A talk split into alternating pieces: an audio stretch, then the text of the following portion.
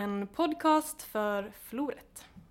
De senaste åren har en ny generation börjat träda fram inom svensk litteratur. Född kring Berlinmurens fall, inledde sina tonår kring 11 september 2001, gick ut gymnasiet i samband med börskraschen 2008. I nya avsnitt möter vi författare, kritiker och akademiker ur den generationen som får berätta om sina tankar kring litteratur idag. Jag heter Filip Stålhandske och det här är Murens fall.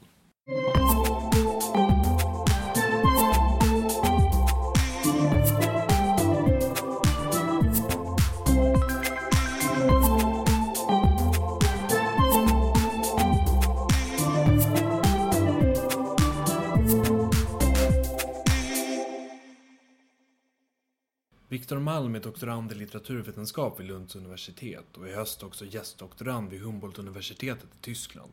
Han arbetade som kritiker för bland annat Expressen och Sydsvenskan och i vår kommer hans översättning av T.S. Örntofts dikt 2014. Vi ses i min lägenhet i Södra Förstaden i centrala Malmö.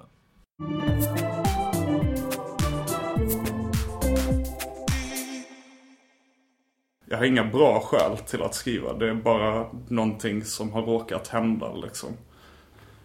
Jag minns att jag, när min farsa han, han spelar musik. Han spelar musik i ett band. Inget känt band eller så. Ett band i norra Skåne som spelar på olika lokaler någon gång liksom. Och jag minns att när jag hörde honom när jag var liten så var jag väldigt fascinerad över att han, han som person sjöng om grejer. Och att...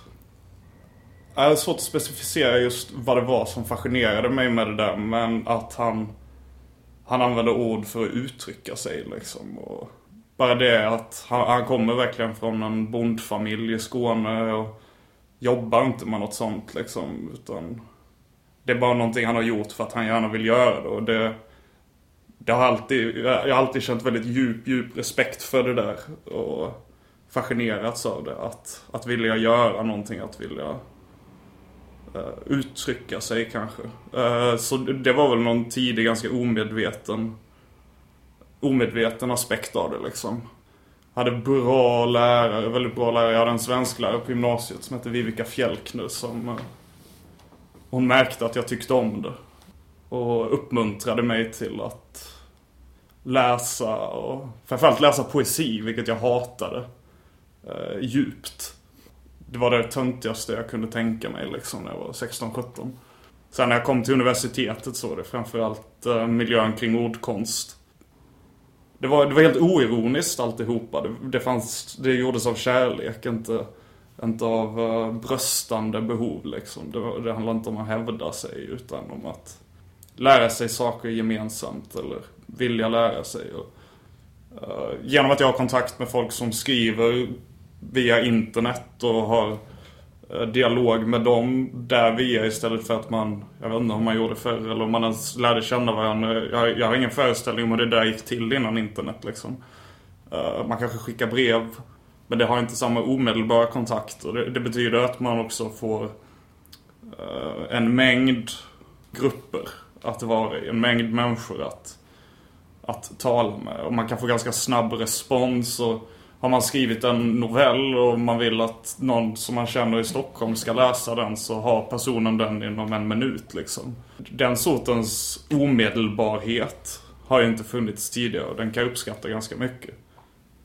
Samtidigt som jag, det finns, finns en historia om uh, fan, Litterära klubben tror jag det hette som existerade i Lund på 50-talet som var de här Lundaskolans poeter. Göran, Göran Prins Paulsson, Majken Johansson, Anna Rydstedt Ingmar Läckus kanske var med där. Ingmar Johansson hette han då. Och då brukade de sitta i Café Aten som är ett litet café i AF-borgen där. Och där hängde man mycket på kvällarna och man, jag tror man drack öl och sådär. Och då var det en ära att få sitta med de här poeterna. Det var någonting alla ville göra. Det fanns en kulturell är kring dem som gjorde att man ville umgås med dem och, och vinna de här poängen. Men idag ser det inte riktigt längre ut så det är inte det sexigaste som finns att hålla på med läsning och sådär. Och i den meningen så blir de här utrymmena kanske färre. Det blir, man är mer varsam om de platser man hittar och man är gladare för dem. Och, men jag tror samtidigt att det gör det hela trängre. Att Att man vaknar upp en dag och det känns som att man känner alla i sin egen ålder som skriver dikter. Och jag vet inte om det är positivt, det det är ju antagligen negativt liksom. Men jag har ändå svårt att känna nostalgi. Jag har aldrig velat skicka brev till någon. Jag tycker det där med att skicka brev, det är fan det konstigaste som finns. Jag kan inte föreställa mig hur det går till.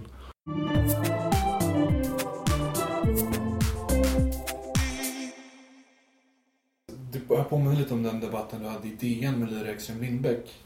Där ni pratar om olika sätt att förhålla sig till nya medier för litteratur kan man väl säga. Mm. Du försvarade det långsamma och hur litteraturen liksom kan vara ett utrymme för att bibehålla det långsamma i ett samhälle som allt mer bejakar det snabba och det plötsliga och det skiftande. Men hur skapas ett sådant utrymme i ett samhälle som utmärks av något helt annat? Alltså jag, jag... Det var några år sedan jag skrev det där. Uh, två år sedan kanske. Och jag är allt mer skeptisk till att ett sådant utrymme faktiskt går att skapa. De människor som värderar den sortens långsamhet är för få och dessutom alldeles för solitära och egocentrerade. Som jag då. Det är liksom som att den sortens människor är motsatsen till kollektiv aktion. Därför tror jag tyvärr att det här samhällssystemet vi lever i redan har vunnit. Och vad vi kan göra är egentligen att vänta in en kris och möjligen se vad de här ruinerna skapar för nya platser. Jag tycker att man som läsande människa åtminstone måste göra den här ansträngningen. Att ta långsamheten på allvar, att ta koncentrationen på allvar, att bejaka den tid det tar att faktiskt sätta sig in i någonting, att läsa en roman. Det tar lång tid. Alltså det, det är en ganska brokig skara skulle jag säga. Och å ena sidan finns ju den ganska akademiska miljön där folk fortfarande läser poesi. Och, och då är man ofta intresserad av poesi ur ett ganska historiskt perspektiv. Vilket inte betyder att man inte läser samtidspoesi. Man läser och skriver det kanske inte först och främst för att man vill vara delaktig i en samtida kultur. Utan kanske för att man är det finns de som är intresserade av poesins funktion i samhället, vad det är för någonting. Eller, eller kanske bara känner en stark kärlek till själva uttrycksformen. Och sen finns det ju de då som själva skriver eller som eh, engagerade läsare idag. Och jag vet inte, kanske, kanske att jag har pratat med dem för lite om just sådana grejer. Men det som enar väldigt många är ju en frustration över hur marginaliserad poesin är. Det finns ett väldigt starkt och motiverat upplevt utanförskap. Samtidigt som man, med rätta kan jag tycka, ganska ofta i alla fall, eh, anser att det här utanförskapet är... Man har hamnat utanför för, på fel grunder eftersom vad man faktiskt gör är att ta, ta språket med kirurg, kirurgiska grepp liksom. Och plana ut nya sätt, nya vägar för tanken att ledas genom ord och meningar eller frånvaron av grammatiska meningar. Vad händer då med våra tankar? Det, det är ju faktiskt någonting poesin gör. Och det är inte konstigt att, att det finns en frustration, en irritation över det här. Sen, samtidigt känner jag människor som eh, Elis Borå och Anna Axfors till exempel som båda debuterade på eh, AFV Press. De talar ju mycket om hur man ska göra poesi sexigt igen. Och det, jag tycker att den sortens eh, populism där, den mycket medvetna populismen i, i bara ordvalet. Det, det är en väldigt bra inställning som jag, som jag tror är möjligen mer produktiv att ställa sig bakom än den jag nyss gav uttryck för. För ibland handlar det liksom om att utmana makten på maktens språk. Bara för att när man väl har eh, tagit tillbaka lite territorium sedan kunna utlägga vad det faktiskt handlar om om man tänker då på poesi som språkets eh, högsta form. Och om vi tänker att språket också är det sätt som vi är i världen på. Att språket i någon mening bestämmer åt oss hur vi ska tänka. Att det finns färdigställda former för hur vi uttrycker oss. Och att de här i någon mening vägleder våra tankar. Och det, det, finns ett väldigt bra citat om det. Jag kommer inte riktigt ihåg det i huvudet. Men det är ungefär så här att när vi föds så går vi in i redan existerande former. Och medan vi lever så ändrar vi formerna och ändras av dem. Och formerna i det här fallet är språket. Och det som på riktigt kan slå de här formerna och gängorna så att vi kanske kan leva annorlunda. Där är min väldigt naiva och lite romantiska tro att det är faktiskt poesin som hittar nya uttryck, som hittar nya vägar. Ja, det, det, var ju ganska länge sedan man trodde att revolutionen skulle komma utefter tolkningen av några Hölderlin-rader liksom. Men jag tycker att grundtanken i en sån tro inte är helt bisarr.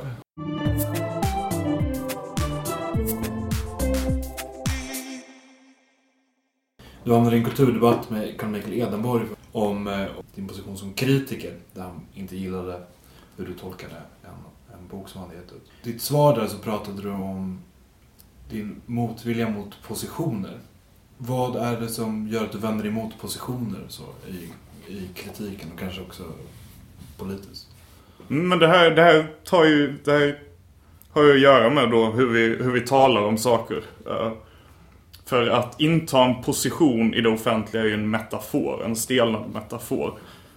Om vi då börjar leka med tanken på att vad en position är, eller om vi börjar tänka på vad en position är, så är det ju någonting man håller. Det är ju till exempel i fotboll så ska du helst inte lämna din position. Om målvakten börjar springa upp i anfallet är det ganska korkat. Eller man håller sina positioner om man är i, i strid till exempel. Kanske, det var ju två väldigt maskulina metaforvärldar det där. Men... Eh, och, och det då det implicerar, upplever jag i alla fall, det, det är att positionering eller föreställningen om att man intar en position i förhållande till någonting.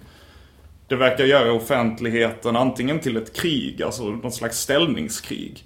Där man sitter och kastar på varandra utifrån mer eller mindre implicita eller färdigformulerade eller sedan länge etablerade läger. Där det är väldigt lätt att känna sig hemma och bli lite omtyckt av de andra som existerade.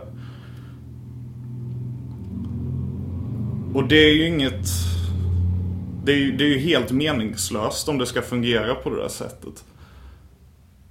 Och jag, jag, jag, jag, tror inte, jag tror inte att det går att ändra kanske att... Eh, det är, väldigt, det är verkligen en metafor vi lever igenom det här med positioneringen i det offentliga. Eller att inta en position i förhållande till någonting. Men det jag då menade var att man skulle... Det var väl lite naivt och fånigt uttryckt kanske. Men jag, jag skrev att vi behöver försöka tänka på våra förhållanden till varandra i en diskussion som relationer. Alltså relation, relationen och positionen befinner sig i samma förhållande som dialogen och debatten. Där dialogen då betyder att två människor, två röster, två logos uh, existerar tillsammans. Medan debatten är någonting man för mellan positionerna när man står och kastar grejer på varandra. Och då tycker jag att dialogen eller relationen det är en mycket lämpligare metafor. Uh, och kanske ett sundare sätt att tänka på kritik, debatt, Eftersom man istället för att tala bredvid varandra, mot varandra, förbi varandra gör en ansträngning för att tala med varandra, lyssna, vara lite lyhörd. Det är egentligen ganska banala kriterier för en bra diskussion. Men, och kanske lite väl idealistiska. Men det, det, det, det är ett bra exempel på hur språket och väldigt grundläggande metaforer överbestämmer våra sätt att tänka och verkligen påverkar hur vi, hur vi sedan gör. Jag vet inte hur litteraturkritiken ska börja tänka sig själv som relationell. Det där är nog en, en, ganska, en ganska lång tankeprocess som jag inte riktigt har varit igenom. Men, och där man lätt hamnar i ideala föreställningar om vad en kritiker ska göra istället för att kunna beskriva hur en sån praxis faktiskt hade varit. Jag vet inte om jag har ett bra svar på varför det är så. Men jag tycker absolut att det utmärker media idag. Att eh, när någonting händer. När Athena Farrokhzad hade sitt sommarprat förra sommaren. Så var ju egentligen det första som hände. Är vi för eller emot det hon säger? Tycker vi att det är bra eller tycker vi att det är dåligt? Och så här är det ju nästan varje gång någonting händer. Jag tycker att framförallt politism som jag inte, inte har någon respekt för överhuvudtaget.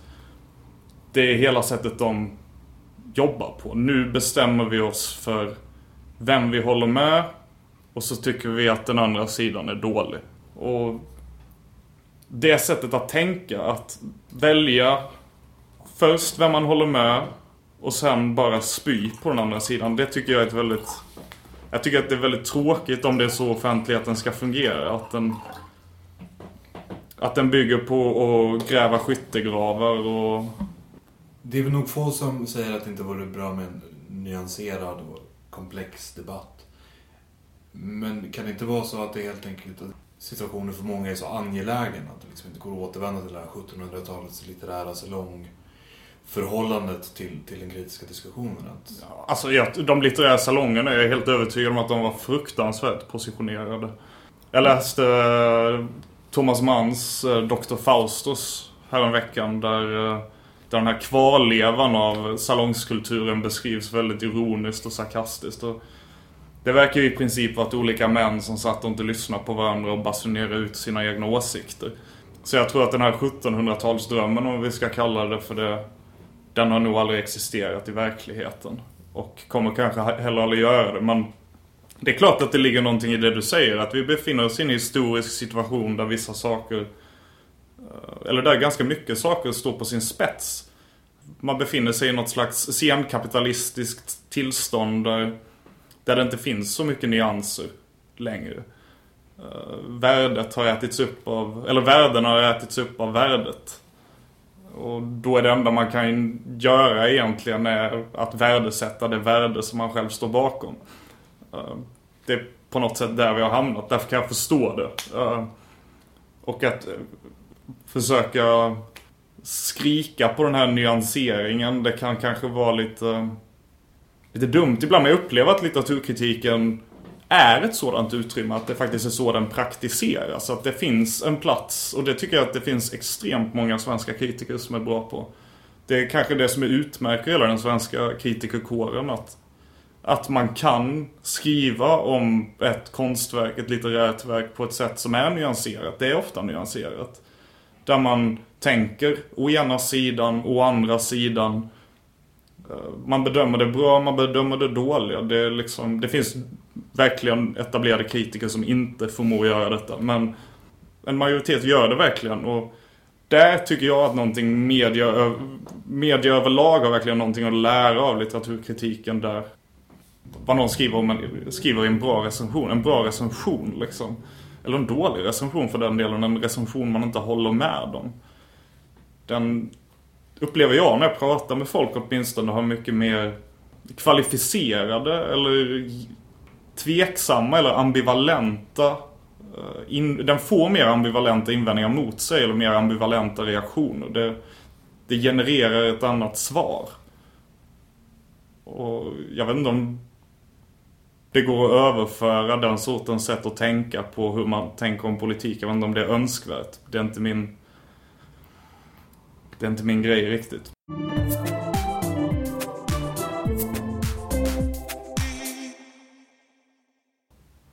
Det kom en undersökning från Lunds universitet för lite mer än ett år sedan som eh, undersökte eh, de interskandinaviska språkkunskaperna, läsförståelse framförallt och också hur vi förstår det talade språket.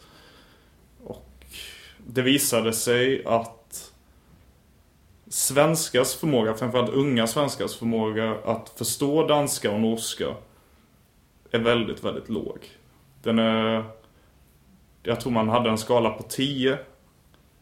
Och man mätte vår, vår förmåga att förstå danska till en 3 och norska till en 4. Danskarna var något bättre. De hade, om de hade en femma på norska och en fyra på svenska. Medan norrmännen var väldigt duktiga på både danska och, danska och svenska. Och att vi inte är duktiga på det här beror ju naturligtvis delvis på att vi inte utsätter oss för det. Man kan prata engelska istället. Alla de skandinaviska länderna är ganska duktiga på att tala engelska. Det här genererar en, dels en bekvämlighet men dels kanske också en rädsla. Att det är lite jobbigt om man inte orkar anstränga sig och sådär. Och det är väldigt olyckligt för att det är ju dialektlika språk i någon mening. Det tar inte särskilt lång tid att lära sig läsa danska hjälpligt. Och det, när man väl har gjort det så går det ganska fort att lära sig det, läsa, läsa det bra. Och kan man läsa danska kan man läsa norska.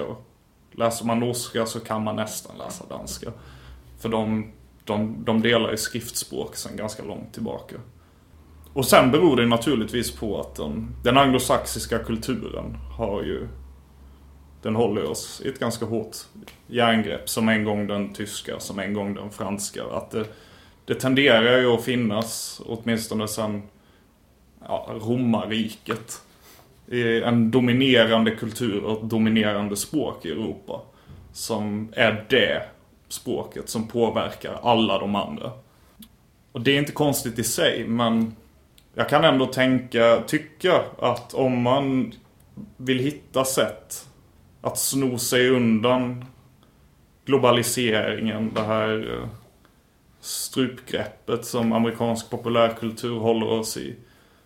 Så har man en väldigt, väldigt bekväm punkt och väldigt bra punkt att börja från och det är att lära sig läsa på danska och norska. För att det, det är ganska enkelt. Och plötsligt så blev vårt väldigt lilla, väldigt snäva, smala, ibland lite syrefattiga språkområde nästan dubbelt så stort. För det första missar man ju den fantastiska unga danska poesin. Där eh, det till och med har blivit så att, eller det, det kanske är på grund av att det ser ut så som den är så stark att eh, uh, Gyldendal, det stora förlaget, de, de slänger ur sig flera väldigt bra poesidebutanter varje år. Eh, och det är förstås så att alla har gått författarskolan i Köpenhamn och alla känner varandra, bla bla bla. Men det finns fortfarande en stark, stark kreativ eh, miljö där som skapar väldigt, väldigt bra poesi. Som Asta Olivia Nordenhof, Olga Ravn, Teje Sörntoft, Moten Chemnitz. Alltså det finns, kommer en fin antologi nu på Ellerström som heter Nervsystem. Eller ja, när vi talar så kom den för ett tag sedan. Men uh, det missar man verkligen. För att det, det, är någon, det är en poesi som många i Sverige upplever jag som, framförallt de som har klagat på den svenska poesin och sett ut de senaste 20 åren, 30 åren. Det är precis det som händer i Danmark som de har eftersökt. Det vill säga en, en poesi som är väldigt bunden till ett jag som uttrycker känslor, alltså det vi kallar centrallyrik. En väldigt nära och kanske lätt poesi som man blir engagerad av och vill leva med och i. Och det här tror jag i sin tur påverkar all poesi, också den kanske mer experimentella och avantgardistiska positivt. För att poesi är ju ett språk man lär sig läsa. Och att det finns där tror jag är väldigt, väldigt positivt för den danska poesin. Och hade vi kunnat vara mer aktivt delaktiga i det där så jag tror det hade gjort mycket för bara det litterära klimatet i Sverige. Det här med generation etik är både, både en, en bra och en dålig beskrivning. Men sättet som det handlar om ett jag på är att det är ett jag utkastat i system. Ett system där som då hårdkodar, bestämmer, överbestämmer jaget och växer, väcker olust, eh, desperation, apati. Och det här kombineras ofta, som hos Asta Olivia Nordenhof och Teis Örntoft framförallt, med, med ett slags patos, eller ett etos som är politiskt. Att man med ganska enkla rader bara fastställer att det här ska inte vara så, det här ska inte vara så. Då uttrycker man känslor som kanske är ganska lätt att avfärda som banala eller enkla, men blir poetiskt starka just eftersom de existerar par parallellt med den här desperationen och svårigheten att föreställa sig att det finns ett annat sätt att leva. Och det, det upplever jag kanske som, som det absolut starkaste i det här. Att man försöker hitta det är, det är ett slags ny existentialism kanske, eller senexistentialism. Det vill säga, vad är det att vara människa? Där det enda människan man är, är en som är hårdkodad av olika system, maktstrukturer, hierarkier, kön, var man är född, hur man pratar. Och det, det blev väldigt starkt och nära liksom. Och ett sätt att tänka på. Den unga svenska poesin, den, den upplever jag som en parallellverksamhet till offentligheten. På, på både gott och ont liksom. Det är, det är så det har börjat se ut i ganska många stora nationer. I, I USA finns det förstås väldigt många poeter som ges ut på de stora förlagen. Men den intressanta poesin sker på de här mindre publikationer. Inte självutgivet, men kollektiv som kommer och ger ut ihop och försvinner och kommer tillbaka i nya konstellationer. Och likadant ser det ut i Tyskland och jag vet inte riktigt hur det ser ut i Frankrike. Och Storbritannien har ju samma, samma situation och vi börjar närma oss något sånt i Sverige upplever jag. Det.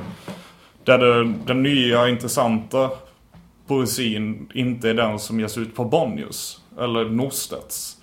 Tvärtom upplever jag att båda de förlagen har haft ganska stora problem med att ge ut ny intressant lyrik. Det finns ju, det finns ju exempel på motsatsen. Gabriel Littke Snapp som kom ut med sin tolvfingertal nu och Atiana Faukshad. Agnes Gerner skrev en helt okej okay bok liksom. Men nu var jag, jag tyckte den var bra. Men eh, det, men det är ju under ganska många år de här tre böckerna jag drog upp på Norstedts har, har kommit. Och det, det tycker jag är lite, det är lite besvärande. För att det som händer på de här mindre publikationerna som det skandinaviska AFV Press till exempel eller i Floret. Det är ju att man ser uh, unga poeter som är, som är i min ålder, som är yngre, som är några år äldre. Folk födda mellan 88 och 92 eller 87 och 94, jag vet inte. Som ändå befinner sig i något slags parallelldialog, en dialog utanför offentligheten med varandra. Och delar en upplevelse av att världen ser inte likadan, ser inte ut så som den skrivs i den poesi eller den, den sortens fiktion vi läser som ges ut på de stora förlagen. Utan den är annorlunda. Vi är uppvuxen i en tid när man levde i datorn till exempel. Man är uppvuxen framför datorn. Nästan all social interaktion jag har en arbetsvecka sker genom text liksom. Och det här är någonting som mycket, mycket ny ung svensk poesi försöker ta på allvar. Försöker hitta former att uttrycka vad det är för sorts social samvaro.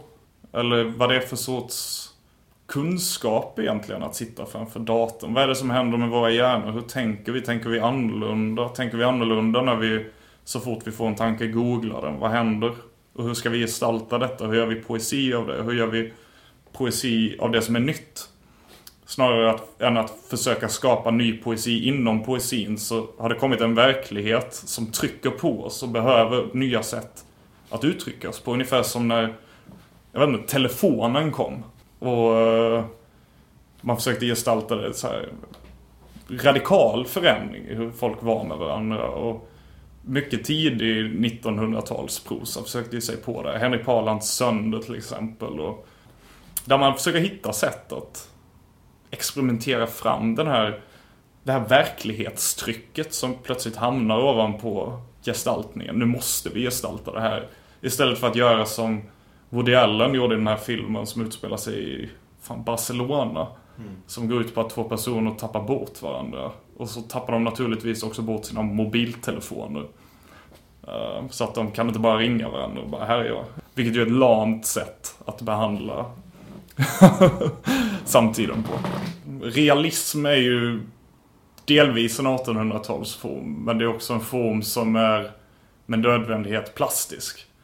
Eftersom verkligheten den ska svara mot förändras. Mm. Jag kommer ihåg första gången jag läste David Foster Wallace. Hur chockerande det var att läsa någon som kom ur ens egen tid. Ja, jag, jag hade verkligen samma upplevelse när jag läste, läste David Foster Wallace. Det var också då jag skrev det här svaret eh, till Lyra Ekström Lindbäck om att vi ska bli att vi ska bli långsamma. För att han har ju verkligen, framförallt i Infinite Jest, har han ju en skräckvision om, om vad den uh, oändliga underhållningen eller vad fyllandet av alla begär vi har. Det omedelbara tillgängligheten av att tillfredsställa de här begären gör med människor. Ja, det, det, är ju den mest ambitiösa gestaltningen av det där jag någonsin har läst. Och sen så skrev han, skrev han egentligen en motroman till det. Eh, som aldrig blev färdigpublicerad, men The Pale King, eller Blek kung på svenska. Som istället handlar om långsamhet, tristess, att kunna ha tråkigt. Den var en mycket större läsupplevelse för mig. För att det blev, det blev som att beskriva en ny andlighet. Ett, ett, eh, motsatsen till att uh, låta sina begär få fritt spel. Utan istället behärska dem och koncentrera sig på någonting som är viktigt. Och som man upplever som viktigt men som kanske inte har en omedelbar payoff. Eller som omedelbart gör dig glad eller tillfredsställd. Utan som först efter kanske en månad eller två månader av intensivt arbete ger dig någonting. Men det är inte, han, han, han, han hans verklighet var ju te, TV, televisionens verklighet liksom. Mm. Den här uh, absurda mängden kanalers verklighet. Medan den här verkligheten vi står inför nu är inte ens Televisionen, eller te, televisionen säger jag om och om igen. Alltså det är nästan ett främmande objekt vid det här laget. En TV. Du har en TV här men den har du bara tv-spel på. Men nu är det ju inte ens så att...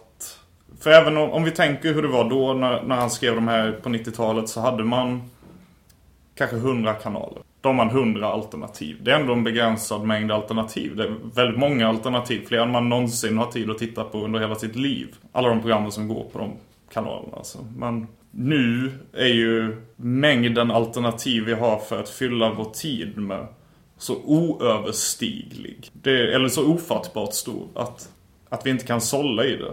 Och det här är någonting som jag upplever att mycket av den som finns hos Taolin till exempel. Den här apatin inför eh, överflödet. Informationsbaksmällan liksom som, som jag uppskattar väldigt mycket.